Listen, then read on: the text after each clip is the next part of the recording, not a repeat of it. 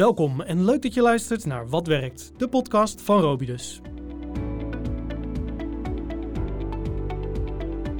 Vandaag spreek ik met Jeroen van Amersfoort, Business Line Manager bij Robidus, over het thema Voorkomen is beter dan verhelpen. Door de coronacrisis is de afgelopen tijd veel meer aandacht voor een gezonde levensstijl. Kun je door een gezonde levensstijl bijvoorbeeld verzuim voorkomen, medewerkers weerbaarder maken voor stress, ziekte of een burn-out? Ja, dat is natuurlijk een interessant thema, want voorkomen is beter dan verhelpen. Robin legt het uit en komt ook met praktische voorbeelden. Jeroen, wat leuk dat ik vandaag met je kan praten over verzuimpreventie. Uh, fijn dat je er bent. Ja, eh, leuk om uh, dit zo mee te maken, zo'n podcast live, tussen aanhalingstekens. ja, en natuurlijk vanuit, nou ja, ik vanuit, vanuit de studio, maar jij vanuit, vanuit jouw thuiskantoor in verband met corona. Dus we gaan ehm, online uh, deze podcast opnemen. Um, jij bent business line manager bij, uh, bij Robi dus. Uh, vertel me eens wat dat, wat dat inhoudt. Ja, inderdaad, klopt. Ik, ik, nou, om eerlijk te zijn, ik was business line manager, maar dan met name de laatste twee jaar ben ik dat geweest binnen Robidus. En had ik als aandachtsgebied inzetbaarheid. Afgelopen jaar ben ik wat anders gaan doen, maar de passie is er nog steeds voor het onderwerp. En, uh, en ik help nog steeds collega's uh, om dit onderwerp steeds uh, goed op de kaart te krijgen. En, en binnen Robidus zijn we daar ook heel druk mee bezig. Maar Business Line Manager, die rol was met name een stukje productontwikkeling. Naast ook het klantcontact. En ik heb nu nog steeds klantcontact. En de onderwerpen, de gespreksonderwerpen van de HR-afdeling is inzetbaarheid, vitaliteit, allerlei termen. Nou, die zullen we straks misschien nog wel even wat afpellen. Maar er zijn nog steeds onderwerpen die die op de, hoog op de HR-agenda staan. Ja. En, en, het heeft nog steeds een passie. Uh, ik heb ooit ook een opleiding gedaan aan, uh, aan de hogeschool met specifiek het onderwerp inzetbaarheid. Ja, dat heeft me toen gegrepen en dat, uh, dat laat me niet los en ben ik nog steeds in mijn dagelijks werk mee bezig. Ja, want als je de thema's even ehm, uit elkaar haalt, dan heb je uh, verzuimbegeleiding, grofweg, um, en inzetbaarheid. Dat, en uh, over dat laatste willen we vandaag um, praten. Inzetbaarheid is ook echt iets heel anders dan verzuimbegeleiding. Ja, want verzuimbegeleiding zou, betekent eigenlijk al dat er iemand uh, door welke reden dan ook, maar in ieder geval niet in staat is om te werken. En dat is dan verzuim. Dus het voorval, tussen aanhalingstekens, heeft zich al voorgedaan. En inzetbaarheid is een veel breder begrip. Dat zit ook aan de preventieve kant meer. Hè? Hoe kun ik voorkomen dat uh, ik persoonlijk ga verzuimen of dat mijn, medewerkers gaan verzuimen? Dus inzetbaarheid heeft veel meer raakvlakken dan alleen maar het verzuimstukje. Daar komen ook thema's voorbij als uh, ja, gezondheid, uh, vitaliteit, kennis en competenties. maar ook hoe is de mobiliteit binnen een organisatie, maar ook cultuur en leiderschap. Dat zijn, uh, dat zijn allerlei thema's die voorbij komen. En wij bij Robert noemen dat arbeidsperspectief. Wij vinden dat, en dat is een term die wij uh, geïntroduceerd hebben. Maar arbeidsperspectief is eigenlijk hoe ben je in, uh, ja, in staat om in je toekomstige inkomen te voorzien. En de, ja, er zijn heel veel modellen die inzetbaarheid kunnen meten en inzichtelijk kunnen maken. En wij, mm -hmm. dat, wij noemen dat ook wel de arbeidsperspectiefmatrix. Misschien kunnen we daar straks eens even over verder over praten. Maar dat is eigenlijk van al die modellen die in de markt zijn, als Huis van Werkvermogen, NPR 6070 van TNO en de DISC van uh, Dona. Mm -hmm. maar wij zijn heel pragmatisch. Wij slaan het plat en we hebben dan een model gemaakt op twee assen. Dat is het, uh, het persoonlijk perspectief en het functieperspectief. En zo plotten wij zeg maar de inzetbaarheid om het heel pragmatisch en in de praktijk makkelijk beter te kunnen pakken. Waarom uh, is inzetbaarheid voor jou zo'n belangrijk thema en waarom trekt dit jou zo erg aan? Uh, omdat je echt uh, bezig bent met al deze thema's die ik net zei. Die komen allemaal bij elkaar. En dat helpt de organisatie, maar dat helpt ook zeg maar jou als individuele werknemer. Want we zijn eigenlijk allemaal individuele werknemer. maar met elkaar hebben we een groep mensen en proberen we een prestatie te leveren en het bedrijf draaiende te houden. Mm -hmm. Nou, wij zeggen bij Robus ook, arbeidsperspectief is de motor van inzetbaarheid. Want eigenlijk ben je als uh, werkgever, faciliteer je met begeleiding en interventies de werknemer. Ook al is die nog niet uitgevallen. Mm-hmm. Maar de werknemer uh, ja, verkrijgt zo grip weer op zijn arbeidsperspectief. Hè? Dus wat moet ik doen in mijn functie en wat moet ik persoonlijk doen om fit te blijven. En fit voor de job is niet alleen maar fysiek fit, maar ook mentaal fit of op kennis hè, en competenties. Als die werknemer dan dat goede arbeidsperspectief heeft en die grip daarop, ja, dan verlaagt dat ook weer die uitvalsrisico's. En dat verhoogt de inzetbaarheid van die werknemer, waardoor die werkgever weer ongelooflijk blij wordt, omdat dat weer de productiviteit ten goede komt. En dat is eigenlijk een soort van, van cirkel, en daarom ook de, de motor van. Het is eigenlijk een continu proces. Ja. Al deze elementen die we net al noemden, hè, zoals vitaliteit en dat soort zaken, ja, dat, dat is echt uh, uh, ongelooflijk belangrijk. Hey, heb je het gevoel dat er op dit moment meer aandacht is uh, voor juist dat preventieve gedeelte? Ja, ik denk wel dat, uh, nou ja, uh, kijk nu hoe wij nu ons werk doen. Dat is een andere manier van ons werk inrichten door corona. Ja. Dus ik denk dat het in één keer ook wel, uh, en dat hoor ik ook bij werkgevers, die gaan ook nadenken hoe kunnen we het werk anders inrichten. Ja. En blijkbaar, en soms is er een heel, um, zijn de werkgevers die vinden thuiswerken vonden ze heel spannend. En nu worden we toe gedwongen om thuis te werken. En de techniek helpt ons daarbij. Mhm. en, uh, en, en het werk gaat eh, 9 van de 10 keer gewoon door. Ja, en heb je, heb je dan het gevoel dat preventie wel belangrijker is geworden? Omdat je misschien minder, minder grip hebt op je medewerkers? Als je, je ziet ze fysiek minder? Nou, ik denk dat het heel goed en dat het ook een andere rol van de leidinggevende wordt gevraagd. Hè? Uh, ja. Dan zit je namelijk met z'n allen op een afdeling, dan ben je het werk aan het, aan het, aan het doen. En nu moet je leiding geven op afstand. Ja, dat betekent ook voor die leidinggevende een hele andere rol en invulling van, van zijn werk. Maar daardoor is het wel belangrijk, ik zeg wel eens gekscherend, uh, het zijn de, de drie A's. Dat is de A van aandacht, de A van aandacht en de A van aandacht. Oftewel, zoals Ikea ook zegt, uh, aandacht maakt alles mooier. Ja. Maar dat is wel zo. Maar ook op die afstand betekent dus dat je die aandacht moet bewaren voor je werknemer. Ja, dan ik dacht, een beetje om. Nou, ik dacht heel even dat je over de hotdogs ging beginnen. nee, nee, nee, nee. Ja, aandacht maakt alles mooier. Ja, eens. Ja, en, en dat is wel uh, uh, wat het is, ook op afstand, betekent die aandacht zeker. En de andere manier van werken, als mensen thuis zitten, is het gevaar weer dat die werk- en privébalans helemaal verstoord raakt. Uh, of mensen zitten alleen maar achter die uh, laptop hun werk te verstouwen. Mm. Uh, en aan de andere kant heb je ook sommige gezinssituaties die heel, die, een, een, alleenstaande moeder, die ook nog in deze coronatijd haar werk moet doen, maar daarnaast ook nog even een kind moet opvoeden. Ja. En dat betekent een andere vorm van, en dan moeten, moeten de, de, ja, dat doe je samen, maar in goed overleg met elkaar kom je er naar mijn idee altijd uit. Voer het goede gesprek. Het, het voelt soms ook een beetje als die bakker die zeg maar um, uh, boven de zaak woonde en eigenlijk nooit weg is van de bakkerij. Dus zo voel ik me soms ook als ik zeg maar thuis werk. Is dat, Zijn dat gesprekken die jullie ook met, uh, met klanten van, uh, van, van Robidus voeren? Ja, ja, inderdaad. Uh, ik, een wel een mooi praktijkvoorbeeld. En een van de, de werkgevers die ik zelf adviseer, daar kwam uh, zeg maar ja, eh, halverwege maart uh, corona, lockdown of intelligente lockdown. En dan zie je ook, en ook als je goed contact hebt als leidinggevende of manager of hoe je het ook wil noemen, met je, met je werknemers, dan ben je altijd gewoon goed in contact met elkaar. Maar je kent ook op een gegeven moment je pappenheimers. Mm En toen waren er ook mensen die preventief allemaal thuis bleven.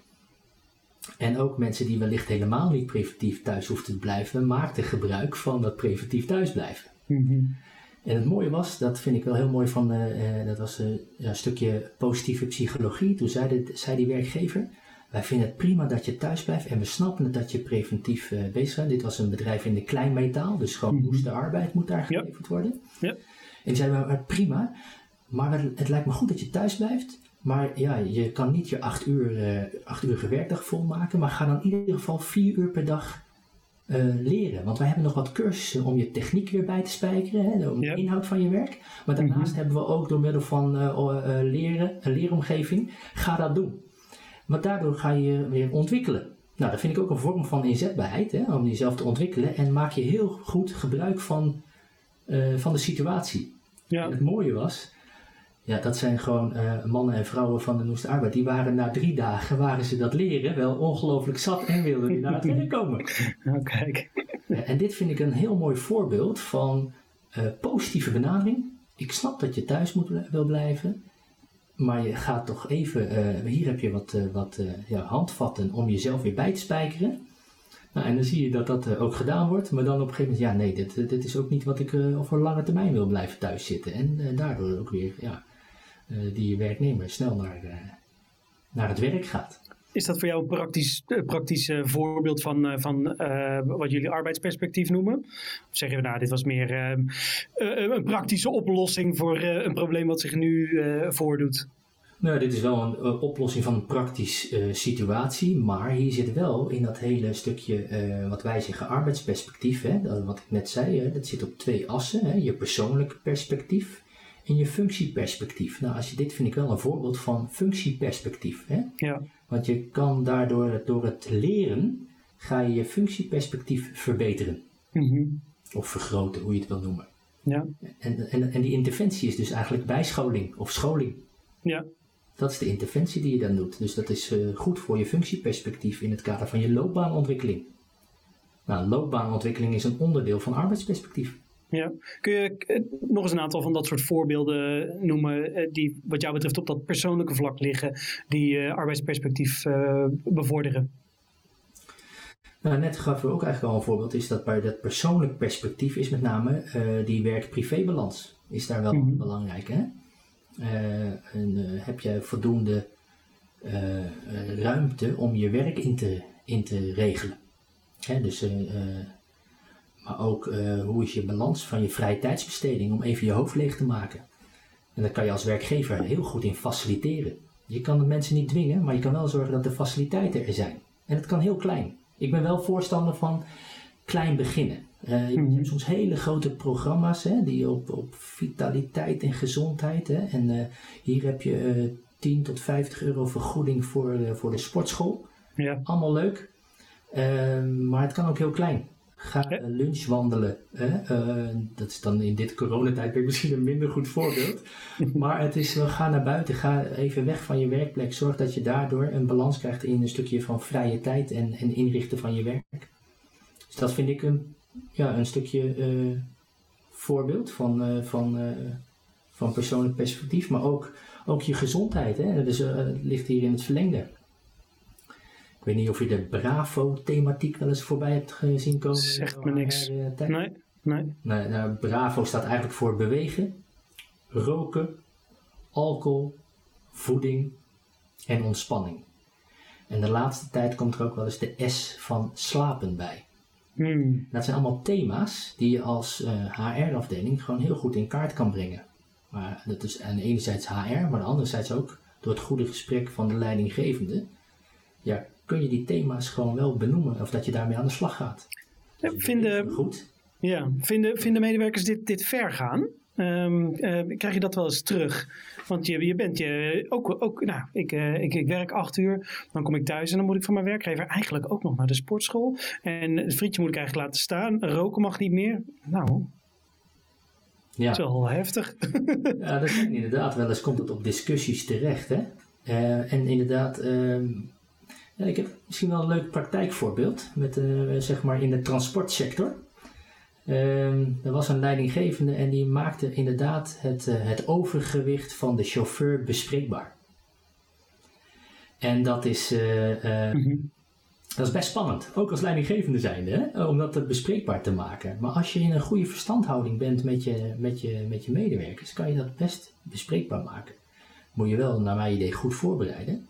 Maar dit was deze meneer, had inderdaad overgewicht. En het, inderdaad zei hij precies hetzelfde wat jij zegt. Joh, maar waar bemoei jij je mee over mijn overgewicht? Ja.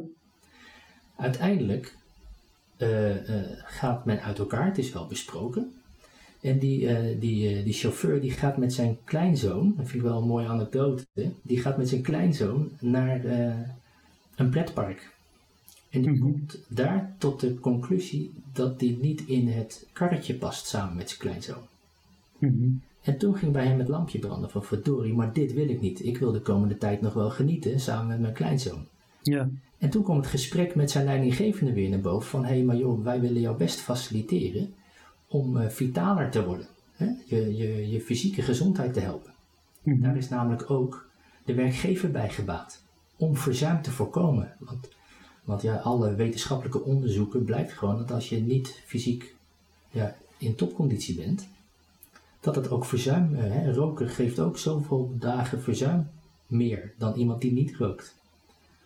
En dan zullen diegenen zeggen, ja, ik heb me nog nooit ziek gemeld, maar statistisch gezien gewoon in Nederland, het blijkt gewoon dat als mensen niet roken, uh, men uh, uh, minder ziek is. Maar ook, wat we tegenwoordig ook veel zien, is, en nu kan ik even niet op het woord komen,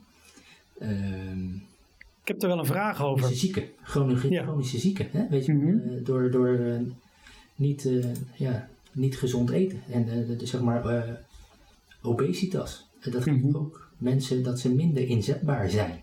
Ja. Ik, ik heb... Deze anekdote, sorry, maar ja. met deze anekdote is dan in ieder geval wel een voorbeeld dat het in ieder geval het, die man op een gegeven moment denkt, ja, en ik ga nu samen met mijn, met mijn werkgever, ga ik ermee aan de slag. -hmm. um, ik, ik, ik heb voor een werkgever gewerkt, uh, wiens naam ik niet zal noemen, um, maar die... Um, die vond het een heel goed idee om bloedtesten te doen door, uh, door het hele bedrijf heen. Ik denk een jaar of zeven geleden. Om cholesterol te meten, om, um, nou, om te kijken hoe gezond medewerkers zijn. was heel veel weerstand. Ik denk dat zij echt een van de eerste waren in Nederland die zich daarmee bezig hielden. Uh, wanneer, en uiteindelijk kan ik me er helemaal in vinden. Was ik eigenlijk ook heel erg blij. Daarna ook een fitnessprogramma eraan gekoppeld. Echt te gek. Maar wanneer gaat het te ver? Ja, ik denk wel dat het allerbelangrijkste is, en daar zijn we in Nederland volgens mij echt, uh, of niet alleen in Nederland, maar ook in Europa, als de, de privacy van de mm. werknemer gegarandeerd is. Ja. Waar jij denk ik op doelt in dit, is wat je tegenwoordig ook veel steeds meer ziet, dat de werkgevers daarin willen investeren, is een, een, een PMO. Mm-hmm. Oftewel een periodiek medisch onderzoek. En daar is dit een onderdeel van. En ik ben ook voorstander van dat soort, uh, uh, het zijn vragenlijsten en een stukje medische uh, keuringen, dus gewicht, buikomvang, cholesterol meten. maar ook met een stukje werkvermogen meten. werkvermogen is hoe ben jij in staat om je werk te doen. En Mhm. heb je daar energie van. Hè? Dat Mhm. kunnen ze in kaart brengen. Dat hebben wij bij Robidus trouwens vorig jaar ook gedaan. Zo'n onderzoek gedaan. En het was een hoge respons. Maar wel, dat, dat betekent wel dat je dat heel goed moet communiceren, hoe je met de gegevens omgaat. Mhm. En dat je de veiligheid van het individu waarborgt. Want daar zit denk ik de grootste angst. Wat wordt er met mijn gegevens gedaan? En als je dat goed waarborgt, en je mag zelf als individu het altijd vertellen, maar het hoeft niet. Dus als je Mhm. zelf uit vrije wil het wil vertellen en delen met jouw uh, leidinggevende, dan mag dat. Ja. Maar je mag het niet als werkgever eisen dat je die gegevens tot je neemt. En vaak zie je dat daar minimumgrenzen zijn. Dus als er bijvoorbeeld uh, 30 medewerkers of minder is, dan Mhm. is het al niet meer te waarborgen dat die uh, individu be, zeg maar, uh, beschermd wordt. Ja, ja, helder. Dus ik vind het wel heel goed, want je, het voordeel van zo'n meting is, is dat je heel goed inzichtelijk uh, krijgt, is um, welke mensen dreigen er uit te vallen. Dus dan is het een soort van stoplichtmodel. Je hebt mensen die rood scoren, oranje scoren en groen scoren. Ja, en die, degene die rood scoren, ja, dat is dan even van, uh, van belang dat die begeleid worden. Van hé, hey, let op. De kans dat jij in de toekomst uitgevallen is groot gezien de vragenlijsten en de, het onderzoek wat we gedaan hebben. Ja. Maar dat gaat dan terug niet naar de werkgever, maar dat gaat terug dan naar de provider. Dat kan een uh, specialistische bedrijven zijn, waar wij als Robidus ook mee werken. Of een arbodienst, hè, mm -hmm. wat, uh, wat Robidus ook heeft. En binnen zo'n arbodienst kan je dus uh, PMO's af laten nemen bij jou als werkgever. Ja, ik denk, ik denk dat het ook vaak, um, dat dit vaak uh, um, staat of valt bij de intentie van de werkgever. Is de intentie controle of is die daadwerkelijk betrokken bij zijn medewerkers en wil die het allerbeste voor zijn medewerkers? Ja. En daar ligt denk ik de scheidslijn. Maar ja, jij bent expert. Nee, nee, maar ik ben het helemaal met je eens. Dat is ook gewoon, dat zit dan in de cultuur van de organisatie. Hè? Zit er een angstcultuur, dan is het al hartstikke leuk. Dan kan je alles aanbieden wat je wil. Maar dat hoeft, het, kan, het, kan het dit zijn, maar het kan het ook andere activiteiten zijn waarbij al gelijk argwaan is. Ja. Ja, en dan, maar dat is volgens mij al. Uh, ik ga wel uit van de, de, de beste intentie van de werkgever. Tuurlijk, ja. Van de werknemer. Maar ik denk dat je wel daar de, de juiste nuance pakt. Is waar ligt de scheidslijn? En dat is wel hoe de werkgever met werknemers omgaat. Helder. Hey, waar zie je dit naartoe bewegen? Uh, we hebben aan de ene kant um, ja, verzuimbegeleiding, aan de andere kant verzuimpreventie. En we hebben eigenlijk het grotere thema arbeidsperspectief, waar dat een onderdeel van is. Waar zie jij dit heen gaan voor, voor Nederland en uh, werkgevend Nederland voor de HR-professionals? Nou, je hoort wel vaak roepen, hè, inzetbaarheid en dat soort thematiek, dat is een, een modegril. Hè? Dat is een paar mm -hmm. wel wat je voorbij komt. Maar dat is de laatste tijd, nou, dan was het al wel weg geweest. Ja. Kijk, en er zijn, uh, nou, er, is, er is werkdruk, kijk maar eens in de zorg hè, uh, en in het onderwijs. Uh, dus daar is een, een, een arbeidskrapte. En dan moet je dus doen met de populatie mensen die er nu is. Ja. Ja, dan is, en er is niet, uh, nog geen uh, voldoende aanwas. Dat betekent dus dat je het uh, moet zorgen dat mensen die het werk nu doen, die al en ook wel in de, de running blijven. Ja. En arbeid kunnen blijven verrichten. Of die onderwijzer voor de klas kan blijven staan. Of als er weer een piek komt in het hele corona, dat er voldoende zorgpersoneel is. Mm -hmm. Dus die arbeidskrapte geeft zeker een belangrijk uh, impuls om, om uh, uh, bezig te zijn met preventie of ja. met, met, met, inzetbaarheid, hoe je het ook wil noemen. Vergrijzing daar ook een belangrijk onderdeel in, dus. Idem, ja. ja. Vergrijzing, dat gaat, als je die curves ziet van het Centraal Bureau van de Statistiek, dat is gigantisch wat je ziet uitstromen de komende tijd. Is het is wat je zegt, we moeten eigenlijk wel? Ja, soms zeggen mensen het is zo'n groot begrip dat inzetbaarheid. Wat moet ik ermee? Maar ik zeg ja, wat, wat als je niets doet, inderdaad. Ja, ja. Dan zit je volgens mij alleen maar uh, met, uh, zelf met, uh, nou ja, plat gezegd, de gebakken peren. Ja, ja. Ja, dus, en dat is ook ja, een belangrijk element waarvan ik denk dat, dat het verbeteren van arbeidsperspectief, hè, als je dat als werkgever constant erboven wil zetten, zeg maar, of in ieder geval wil stimuleren, mm. jouw personeel, dat dat wel blijft en belangrijk is. Ja. Uh, zijn er dingen die je mee wil geven aan HR-medewerkers die misschien deze podcast luisteren of directeuren die dit doen, die hier ook mee worstelen? Zijn er dan tips die je zou willen delen? Ja, wat ik wel belangrijk vind is uh, waar ga je beginnen? Want dat, nou, we hebben net al geconstateerd dat er vaak een groot begrip wordt. Hè? wordt? Arbeidsperspectief, inzetbaarheid. Dus een begrip is heel groot. Dus waar moet je beginnen? En dan ja, ben ik wel voorstander van eerst een goede data-analyse, goed inzicht krijgen. Hmm. Waar zitten je risico's en kansen?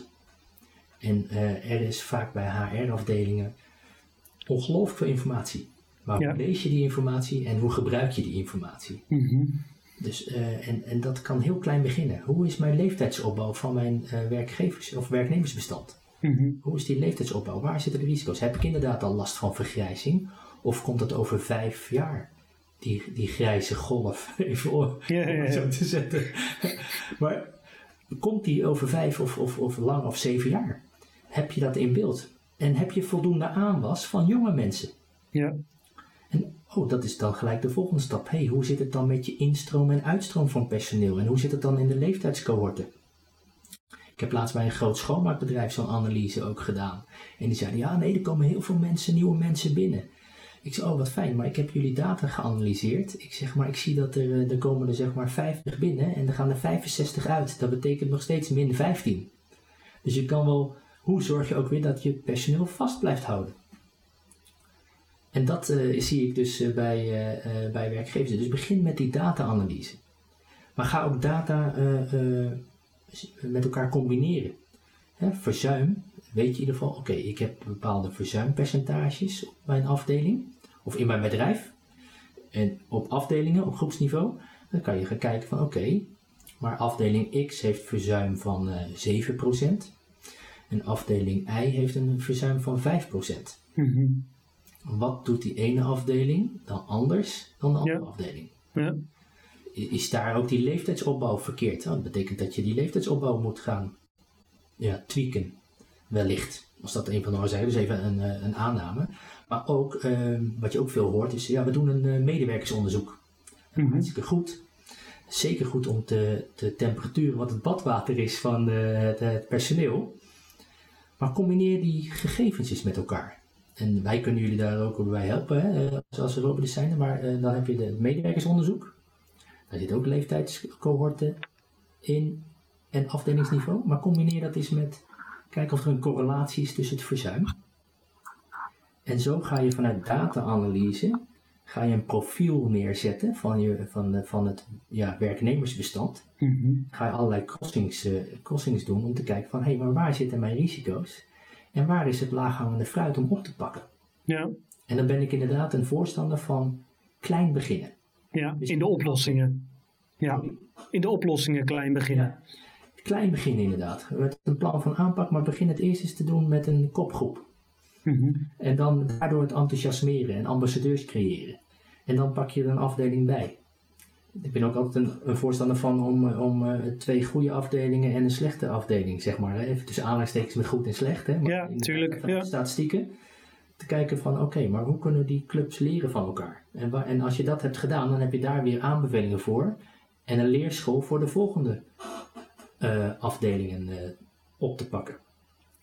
Om het thema arbeidsperspectief op de kaart te zetten. Hmm. Helder. Nou, ik, ik denk dat we een hele hoop gehoord hebben wat betreft arbeidsperspectief als het gaat om inzetbaarheid. Um, dat je een hoop leuke verhalen hebt gedeeld en een hoop tips waar ik denk de luisteraars goed mee aan de slag kunnen. hartelijk dank daarvoor. is er tot slot wellicht nog iets wat je kwijt zou willen? Ja, jij, ik, ja, ik wil eigenlijk wel ergens op terugkomen. Je zei van ja, maar uh, waarom zou je het niet doen, hè? gaf jij aan. Hè? Ja, ja. Uh, maar uh, wat je de laatste tijd veel hoort is ook burn-out en dergelijke. Hè? Dat zijn een, een, een werkstress hè? of werkgerelateerde overspannenheid en dat soort zaken. Ehm, maar ja, er komen al wel wat praktijkvoorbeelden voorbij ook, dat ook werkgevers daarvoor aansprakelijk worden gesteld. Mm. Dus ja, aan de ene kant ga ik uit van de intrinsieke motivatie van een werkgever en werknemer om eraan mee aan de slag te gaan. Maar je, de andere kant van, het, eh, van de medaille is ook al dat er aansprakelijkheidsstellingen van werknemers uh, zijn geweest in het verleden op, uh, op dit soort thema's. Ja. Dus ja, waarom zou je er niet mee, uh, mee aan de slag gaan? Dat is een grote stok achter de deur. Dat is wel een hele spannende stok inderdaad, zo hier en daar. Ja. Dan gaan we met deze laatste opmerking uh, de, de podcast uh, afronden. Um, ik wil je heel erg bedanken voor je, voor je tijd. Um, ik weet dat Roby dus er bezig is om hier ook een magazine uh, over samen te stellen. Dat zal ingaan over um, onder andere inzetbaarheid en verzuimpreventie en arbeidsperspectief. als je daar meer over wil weten kun je zijn op robidus.nl en dan kun je daar alles over lezen. Eh, ik denk tot, uh, tot zover. Jeroen, hartstikke bedankt voor je tijd. Ja, graag gedaan. Erg leuk om te doen. En ik vond het een uh, fijn gesprek. Nou, in, insgelijks. En wellicht tot een volgende.